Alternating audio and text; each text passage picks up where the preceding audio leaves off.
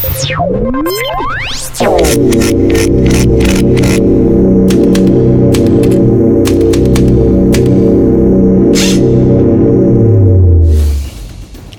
pozdravljeni v prvi epizodi počrto podcasta, z vami sva Leonard Kučiš in Tato Polovec. Uh, ja, evo, dobrodošli v tej čisto prvi epizodi našega novega izdelka, kjer smo se odločili, da bomo teme in besedila, ki vam jih v glavnem ponujamo skozi daljše članke na internetu, predstavili tudi v pogovorni obliki. Zakaj? Predvsem zato, tega, ker nam ta način omogoča, da bomo povedali več o zadnjih zgodb, ki jih sicer v člankih ne moremo razkriti. Ja, vam bo to omogočilo, da malo spoznate redakcijo tudi na drugačen način, skratka, kakšni glasovi in s tem osebe se skrivajo za tistimi podpisi na počrtu.si.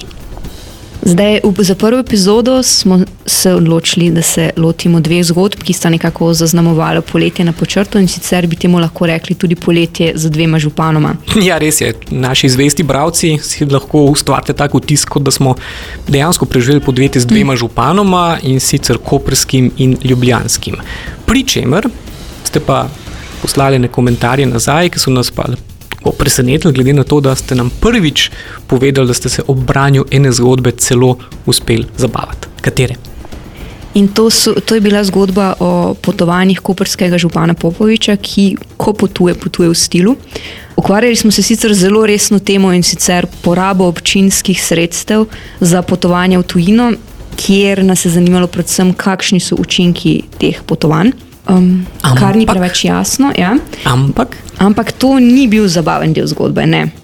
Uh, zabaven del zgodbe je bil, da smo v ne, sicer neposnetem pogovoru z občino, za katerega smo zaprosili, vprašali tudi, kako se uh, koperski župan sporozumeva z tujimi ladjarji, glede na to, da po naših informacijah ne zna angliško. Ja, in smo zvedeli, da no, se to vam pa res predlagamo, da greste prebrati celotno dopisovanje na počrtu.si, zaradi tega, ker. Ker so nam najprej delno potrdili te naše neuradne informacije in so povedali, da uh, gospod Popovič sicer razume eh, angliško dovolj dobro, tisto, kar pa ne zna povedati, pa nadomesti s rokami. No, na kar smo dobili en popravek, in pa smo še odgovorili na popravek, in vam res predlagamo, da si greste to dopisovanje prebrati. Najdete ga v članku, ko potuje koperski župan Popovič, potuje v stilu na počrtu.si. No, ampak sodeč po medijskih odzivih, je pa koperskega župana to poletje popolnoma zasenčil njegov ljubljanski kolega in sicer Zoran Jankovič. Gre za več člankov, ki smo jih združili pod naslovom Sporni posli družine Jankovič, v kateri smo se ukvarjali z tem, da policija bremeni Jankoviča prejmanje koristi za nezakonito posredovanje, napeljevanja k zlorabi položaja, pranja denarja in pa zatajitve finančne obveznosti oziroma utaje davkov. Gre za temo, ki smo objavili na podlagi ovadb, ki smo jih pridobili od tožilstva zahtevo po dostopu do informacij javnega značaja. Potem, torej, naj povem še, da smo pridobili z tožilstva tudi informacijo, da je ljubljanski župan Zoran Jankovič trenutno v sedmih sodnih preiskavah, mi se nismo ukvarjali z vsemi, ukvarjali pa smo se z sumi kaznjivih dejanj pri gradnji športnega parka Stožice, eh, z vrtenjem posojil Faktor banke in domnevno utajo davkov z poslovanjem podjetja Elektra, ki je v lasti Jankovičevih sinov in kot omenjeno z primerom, ki ga vsi najbolj poznate in to je najbolj medijsko odmeven primer farmacevtka. Predlagamo vam, da si vzamete čas in se greste prebrati vse te dosijeje, zaradi tega, ker eh, mediji so se v glavnem omejili na dve zgodbi. Na tako imenovano zgodbo o farmacevtki in pa o tem, zakaj in na kakšen način nam je toživstvo sploh izročilo vso to dokumentacijo. In prav o tem, o ozadju zgodbe, kako smo do zgodbe prišli, kako smo prišli do dokumentov, se bomo pogovarjali z avtorjem zgodbe, Anžetom Vogboščicem, sicer odgovornim urednikom po črto.si. Poslušate počrtani podcast in zdaj se je pridružil še urednik počrto.si Anže Vogboščic. Zgleda, da bo ta poletje župani postala tudi jesen župani, zaradi tega, ker eh, je bilo konec septembra bila nova odmevna tiskovna konferenca, na kateri je ljubljanski župan Zoran Jankovič komentiral odločitev sodišča, da izloči dokaze v primeru farmacevtka. Poveva, kaj več o tem primeru in konec koncev o zadju, kako je sploh prišlo do vsega tega. Ja, kot kaže, se je konec septembra končala, končalo še eno poglavje v knjigi pregonov proti Zoranu Jankoviču, če lahko tako rečemo. Policija je proti njemu vložila kar nekaj ovadb, je v več sodnih preiskavah, gospod Jankovič. Ta primer farmacevtka je v medijih najbolj odmeval, seveda logično, to je nek seksualni škandal, kako naj temu rečem, dosta preprosta zgodba, ne, uh, za razliko od morda nekaterih drugih oblik gospodarskega kriminala, ki jih tožilstvo očita gospodu Jankoviču. In um, ta zgodba je imela, kar bomo rekli, kar precej nevreten epilog. Ne, če bi še nekaj časa nazaj pomislili, bi se malo kdo verjetno napisal tak scenarij, da bodo na koncu ti prisluhi proti Zoranu Jankoviču izločeni iz, iz kazenskega spisa oziroma uničeni. Kaj nam to pove, tukaj smejo kaj špekulirati? no, ima to opozarja na kakšen sistemski problem ali pa anomalijo, zaradi tega, ker en del problema, na katerega tudi mi večkrat opozarjamo, je ta, zaradi takih odmevnih primerov dejansko javnost vse manj zaupa v idejo pravne države, toživstva in podobno, če tudi tako odmevni primeri pol padejo.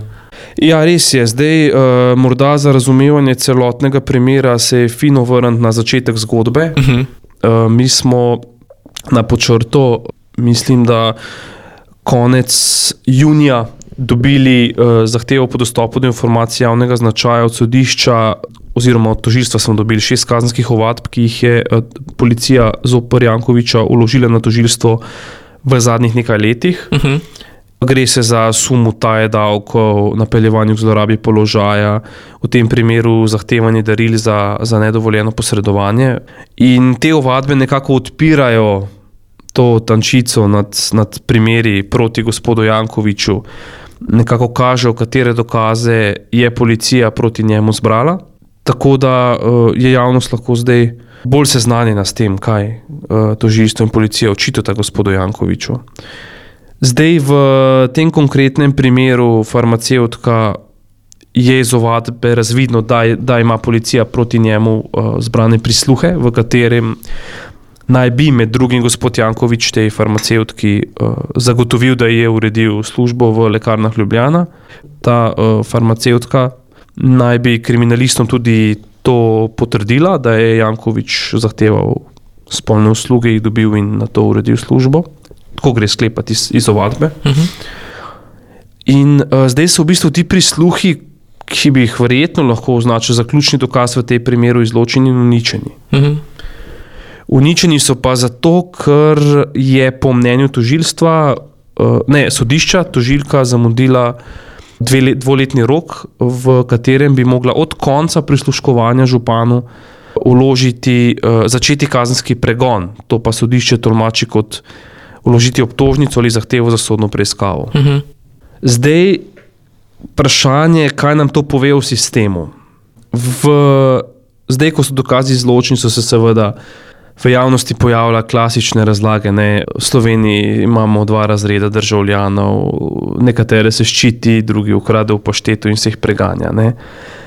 Morda, če smo čisto odkriti, je to, kako bi rekel, na pol res. Seveda, nekdo, ki je bogat in vpliven, si lahko morda privošči boljše odvetnike, ki so seznanjeni z najnovejšimi, kako bi rekel odločitvami sodišč, kot se je pokazalo v tem primeru, ti nudijo boljšo obrambo in, in zato lažje zmagaš ne, na sodišču. Medtem ko nekdo, ki gre na, za po brezplačno pravno pomoč, vprašanje, kakšno pomoč dobija. Ne. Ampak dobro, kakorkoli, vsak se, vsak se ima pravico obraniti na najboljši možen, še legalen način. Mhm.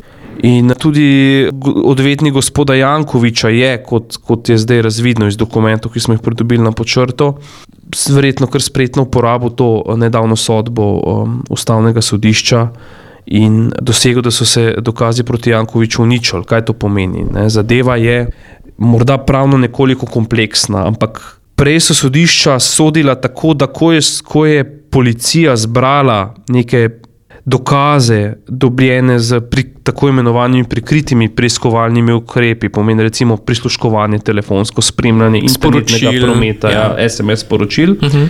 Piše v zakonu, ne, da ima dve leti časa, da to žilka začne kazenski pregon, ne, drugače da te dokaze sodišču in ti se uničijo. Ampak do zdaj je tudi sodna praksa nekako sodišče so odločila v tej smeri, da, da se uniči, če malo poenostavim celo zadevo, samo dokaze, ki niso uh, prisluhe, recimo, ki niso pomembni za kazenski pregon. Recimo, če te policija posnela v pogovoru s tvojo mamo, da boš prišel v petek na kosilo ali pa v soboto. -hmm.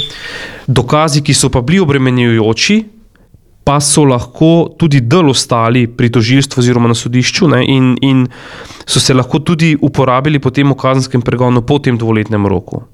Potem pa mislim, da je marca ali aprila letos ustavno sodišče odločilo, ko so bili določeni členi zakona o kazenskem postopku dani v, v ustavno presojo, da temu ni tako, da se morajo v obdobju teh dveh let, ne če po pretek, preteku teh dveh let, uničiti tudi obremenilni dokazi, ki uh -huh. si jih je recimo policija dobila v prisluhih, če tožilka ne začne kazenski pregon. Zdaj, kaj je zdaj to kazenski pregon? Tožilstvo je reklo, da je kazenski pregon tudi odredba za hišno preiskavo, recimo, uh mhm. -huh. da se s tem pokaže, da se je že začel kazenski pregon. Medtem, ko se uradno kazenski postopek začne z uložitvijo obtožnice ali sodne preiskave. Ja. In Ustavno sodišče je tudi tako tolmačilo kazenski pregon, oziroma se je preiskovalna sodnica postavila na to stališče, da bi morala tožilka uložiti zahtevo za sodno preiskavo ali obtožnico. Ključno pa je, da je ta sodba ustavnega sodišča bila sprejeta takrat, ko je tožilka že zamudila ta dvoletni rok. Tako da ona takrat, ko ga je dejansko zamudila, oktober 2016, sploh ni vedela, da bo ustavno sodišče tako odločilo in je verjetno delala po tisti logiki, kot je prej veljala, ne, da ima za obremenilne dokaze več kot dve leti časa po končanju prisluškovanja, da jih uporabi in napiše zahtevo za preiskavo. Ne. Tako da, kot se zdi, je sta razloga za to, da so dokazi padli dva. Ne. Ena je predvsej nesrečen ta sodba. Ustavnega sodišča, ki je morda tožilko dobila na levi nogi, druga pa je počasnost tožilstva in policije. Ne?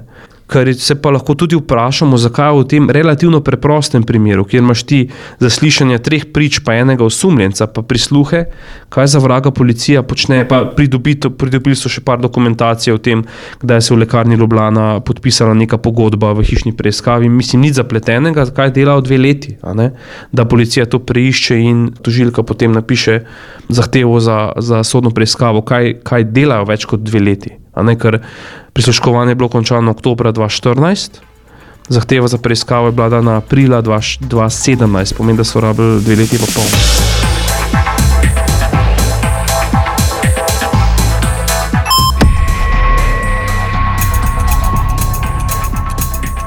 Je to podoben problem tudi pri drugih primerih, ker če preiskuješ gospodarski kriminal, to si tudi sam večkrat povedal, je normalno, da te preiskave trajajo mnogo dlje časa, kar pomeni, da ima policija lahko tudi po par let dela pri kompleksnih primerih, kar smo videli tudi v kakšnih obsežnih mednarodnih primerih. Ampak potem, ko je pa enkrat to zbrano, se pa pa res odpre ta vprašanje, zakaj pa od takrat, ko policija, forenziki in vsi naredijo to delo, zakaj to časa traja.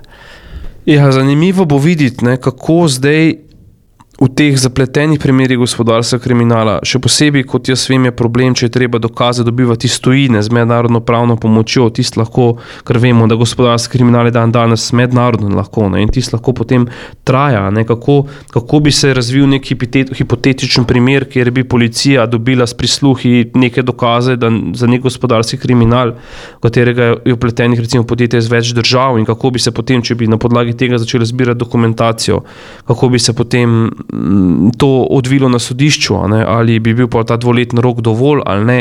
Zdaj, ja, dožilstvo, ne ja. Ja, dožilstvo opozarja in, in, in ministr za pravosodje se strinja, da, da ta rok nikako ni dovolj, da v določenih primerjih se več časa rabi. Določeni odvetniki so me opozorili, pogledajte, ko policija prisluškuje, ima praktično že vse dokaze, to je le češnjica na torti, potem lahko hitro vloži obtožnico zahtevo za preiskavo, da je to, kar trdita sodišče, pa tožilstvo, pa ministrstvo za pravosodje, bolj kot ne prodajanje megle. Ne? Jaz ne vem, jaz sem premalo posvečen v teh zadevah, da bi lahko te dal postopke. Ampak ja, zanimivo, zanimivo bo videti, kako se bo to razvilo zdaj, ne? ker ministrstvo je že napovedalo neke spremembe zakonodaje. Ampak bi pa rekel, no, da, da v tem primeru, da, da se ga ne sme zlorabljati, ta primer farmacevtka, in bi se res mogla javnost oziroma pristojni organi vprašati, zakaj je v tem primeru to potekalo to tako počasi, čeprav ne bi bilo treba. In kako zdaj stvari urediti za naprej? Ali rabimo podaljšanje tega roka zapisati v zakon za neke primere. Ne? Ker po drugi strani, če dam podaljšanje roke, je to lahko samo, kako bi temu rekel, držimo štango tožilstvo, ne? da si pač jemlje čas tam, ko bi lahko zadeve Pospešil. Ja, lahko se vprašamo, ali imamo premalo tožilcev, imamo premalo podpor- podpornega osebe na tožilstvu. Mislim, da rabimo res en poglobljen razmislek, kaj se dogaja na tem področju.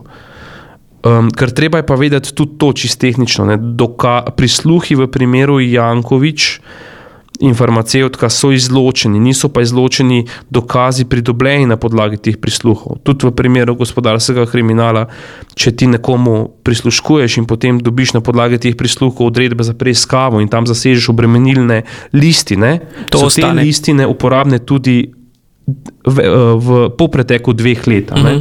Samo prisluhov ne moš več uporabljati na sodišču. Ne, ampak seveda so pa prisluhi verjetno sodišču tista najbolj trdna zadeva, če ti imaš dejansko dva posneta, kako se dogovarjate, da bo ta storila neko kaznivo dejanje. Ne. Tako da to definitivno je zdaj sistemski problem in zanimivo bo videti, kako, kako se ga bo rešilo.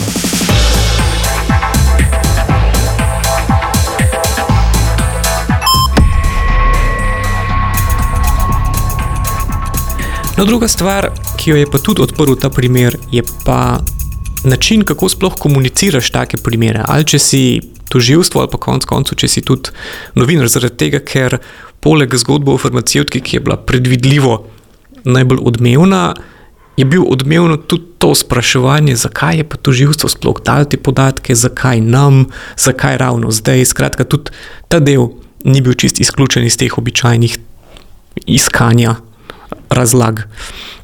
Ja, potem ko smo mi, mislim, da sredi avgusta objavili članke na podlagi teh ovadb, je bilo seveda precej, to precej medijsko odmevno. Zdaj, naj, največ pozornosti je dobila ta zgodba s farmacevtko, čeprav smo mi tudi objavili določene ovadbe v primeru Stožic, kjer se Jankoviču Jan, učita napeljevanje k zlorabi položaja in mislim, da tudi sum pranja denarja. Objavili smo tudi ovadbo v zvezi s suma utaje davkov pri prodaji delnic Merkatorja. Ker ne bi gospod Jankovič utajil 100 tisoč evrov davka, ampak največ pozornosti je dobila ta zadeva farmacevtka, kar je nekako razumljivo zaradi razlogov, ko sem jih že prej omenil. Kar pa je mene tudi kar presenetilo, je pa to poročanje določenih, eh, rečemo temu, resnih medijev, določenih dnevnih časopisov in um, televizij, ki so nekako precej kritično napadle tožilstvo, da zakaj nam je te, eh, te ovadbe sploh dalo. No, ampak kaj jih je tukaj predvsem zmotilo? Zaradi tega, ker tukaj so bili taki res zanimivi odzivi, ker po eni strani so novinari celo sami nekako rekli, da se lahko sprijaznijo s tem, da določene informacije priletijo v obliki anonimnih ali pa neuradnih informacij še preden, mislim, še v predkazenskem postopku, kar je dejansko lahko slabo za postopek, ker lahko pomeni, da pač obtoženci vejo, kaj se dogaja, poskrbijo, da dokazi izginejo, pritisnejo na priče. Medtem ko tukaj, ko smo pa dejansko zaprosili po zakonu o dostopu informacij javnega značaja, ki je šlo skozi vse uradne postopke in tožilstvo dalo to informacijo, je bilo pa skoraj to problematizirano. Sketa dvojnost. Ja, tukaj ne, jaz po pravici povedano ne vem. Tukaj je nastala neka šizofrena situacija. V, v določenih primerjih so isti novinari, ki so objavljali informacije o zadevah zoper, bomo rekli temu, vplivne in bogate, ko so bile te zadeve še v predkazenskem postopku, bili zdaj kritični, ko je tožilstvo nam dalo ovadbe, ki so že v kazenskem postopku. Tožilstvo je zauzelo stališče, da lahko te ovadbe nam posreduje in jih s tem razkrije javnosti, ker so tudi osumljenci z njimi že seznanjeni. Medtem ko recimo razni časopisi in TV dnevniki, ko oni objavijo, da je, da je policija proti nekomu dala ovadbo, je zadeva še v predkazenskem postopku in lahko da ta osumljenec ni seznanjen, da ga policija sploh preiskuje in s tem dejansko škodijo postopku, ker lahko ta osumljenec na to uničuje dokaze, proba vplivati na, na priče. Ker, um, ko je ovadba dejansko dana tožilstvu, lahko tožilstvo zahteva dodatno preiskovanje, dopolnitev. Ko pa potem tožilstvo vloži zahtevo za preiskavo ali obtožnico, potem pa je ovadba dostopna tudi osumljencu in takrat osumljenec potem ve, da je v postopku kazenskem, prej ne ve. Ne? In uh, razen če ga morda zaslišijo, ampak tudi ko ga zaslišijo, ne ve točno, kaj policija ima proti Hoče, njemu. Ja. In ja, v tem primeru so se isti novinari nekako bili zelo križni do tožilstva. In ko sem jaz malo parih vprašal, pa pogledajte, ne, sej vaš medij objavlja te zadeve še v tistih fazah, dobi jih pod roko, kako pa zdaj, zdaj drugačno stališče. So pa rekli, ja, ampak tožilstvo bi pa mogli delovati zakonito. Ne? Zelo se je ponavljalo, da je to tožilstvo storilo prvič, da je v tej fazi postopka sodne preiskave že nekomu posredovalo ovadbe, kar v primeru Jankovič, kar ni res, ker je tožilstvo nam že v nekaterih drugih primerih posredovalo ovadbe, ko zadeva še ni bila pravnomočno zaključena, ne? kot tudi nekatere zadeve, ki so še v fazi sodne preiskave. Tukaj v bistvu so, so, se je govorila neresnica. Se mi pa zdi, da, ja, da so bili morda neki novinari malo užaljeni, ampak Noben se pa ni vprašal, koliko so pa že oni dali kako zahtevo na tožilstvo za pridobitev vad, kot jaz vem, tega novinari prej niso dajali. Par mi je tudi reklo, da, da nima časa ne, za to. Ampak to ni naš problem.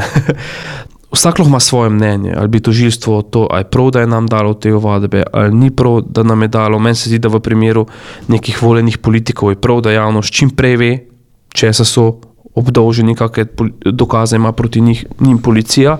Jaz mislim, da je ta debata relevantna, kdaj more tožilstvo, kdaj ne da tožilstvo zadeve v javnost, ne, ampak naj se ta debata opravi na neki civilizirani ravni, brez nekih čustev, brez nekih zamer, ljubosumja in ne z nekimi. V nekem navijaškem vzdušju, no bomo tako temu rekli. Ne bi to moralo pravzaprav tožilstvo bolj sistemsko obveščati.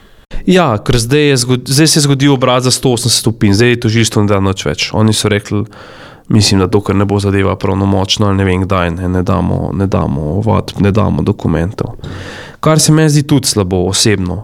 Zdaj, tukaj je vprašanje tudi kulture, ne, zelo pride uh, v igro, ker recimo en ugleden zdravnik, s katerim sem se pred kratkim pogovarjal, mi je rekel, če je ne, v tujini, nek, mislim, v razvitih državah, nek zdravnik osumljen korupcije, ne bo nikjer več dobil dela. V nobeni, to, v, v, v nobeni bolnišnici, ki da karkoli nase. Uh mhm. -huh. Če bo nek politik se zvedel, da ima policija prisluhe proti njemu, ne, v katerih zahteva podkupnino, bo ta človek odstopil, ne bo kandidiral najverjetneje. Uh mhm. -huh. Mi pa pač nismo mi tam. Pa zahtevamo pravnomočno obsodbo sodišča, pa še kakšno potrditev Štrasbura, pa ne vem, kaj vse da tak človek gre.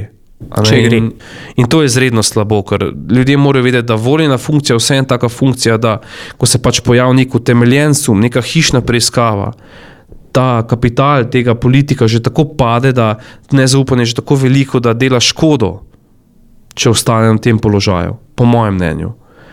In potem pa zdaj v tej kulturi, ne, če tožilstvo še ne pove, kaj ima proti tej, tej, tej osebi, ne, pa potem še v medije prihajajo neke informacije pod roko, ki so delne informacije, ki vedno pridejo z interesom nekoga. Včasih slišiš tudi, ker odvetniki obdolženih dajo te, to informacijo v javnost, ampak seveda, verjetno ne povedo vsega. Ne.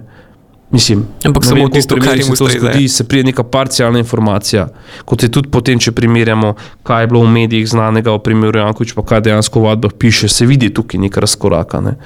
Je pa res po mojem dobro za družbo, da se naredi neka razprava o tem, kakšne informacije in kdaj se da v javnost. Ker jaz mislim, da tudi popolno zakrivanje informacij na strani tožilstva, to pravnomočnosti postopka jim lahko škoduje na koncu.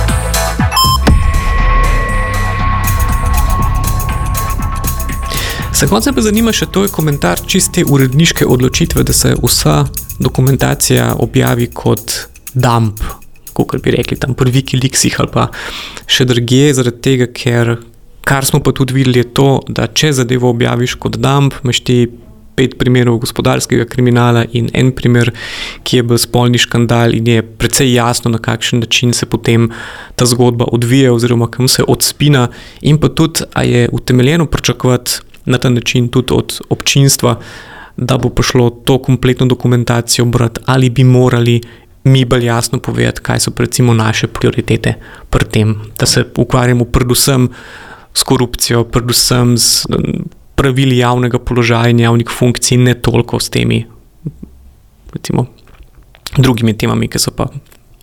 Ja, um, zdaj jaz kot urednik sem se odločil, da se objavi vseh, mislim, da je bilo šest člankov naenkrat. Uh mhm. -huh. In mislim, da je ta odločitev se pokazala kot prava, ker sem nekako računal, da bi lahko pa bilo neki pozornosti namenjeno temu, ko smo mi te podatke dobili in bi se morda poskušala blokirati objava, če bi mi recimo vsak teden objavili eno zgodbo. Ne bi čakali. Da do drug te, te zadeve pridobijo tožilstvo in jih na to drugače pokazal, ne tako celovito. Zato smo se v tem primeru odločili, da objavimo vse naenkrat.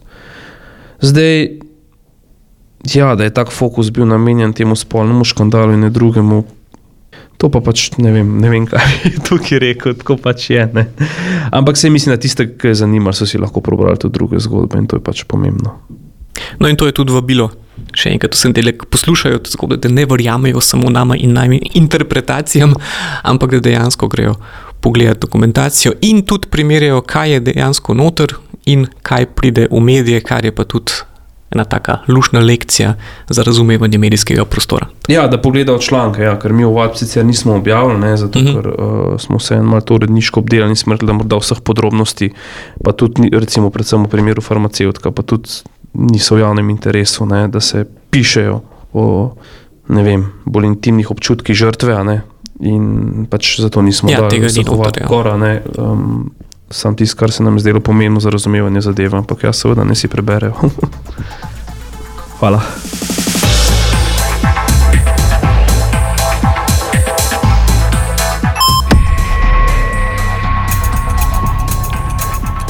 Še vedno poslušate počrtu podcast, z vami so Leonard Kučič in Taja Topolovec.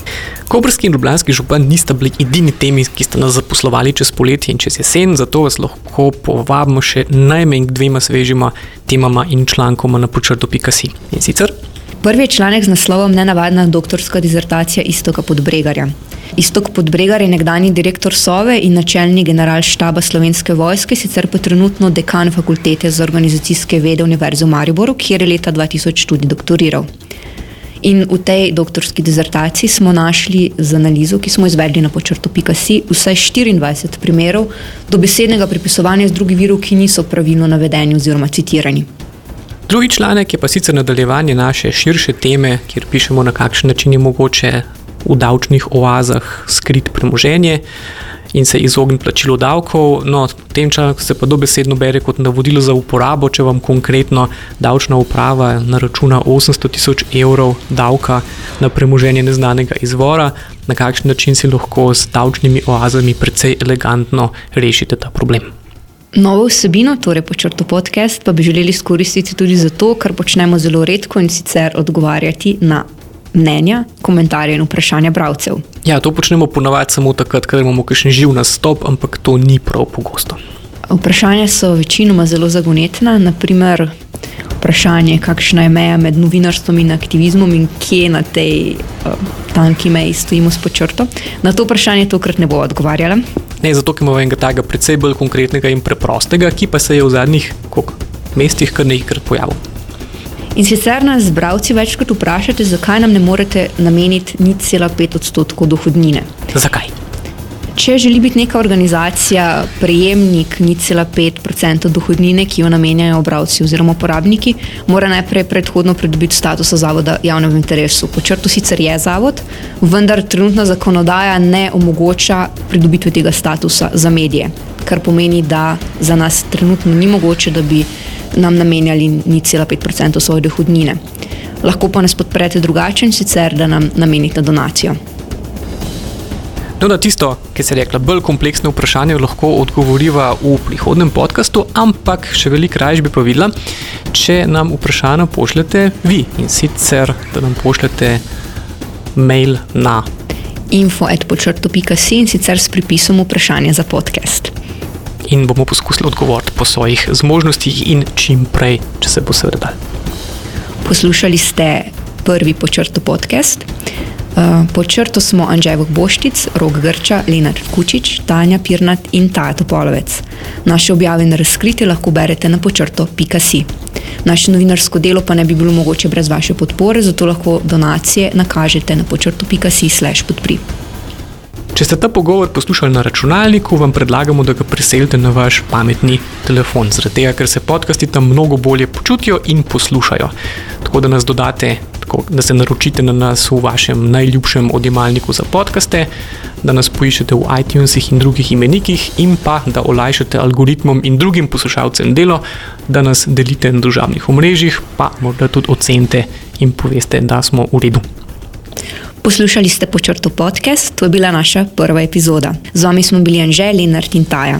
Zvočno podobo pa je zasnoval, ustvaril in nas namešal Milan Fras.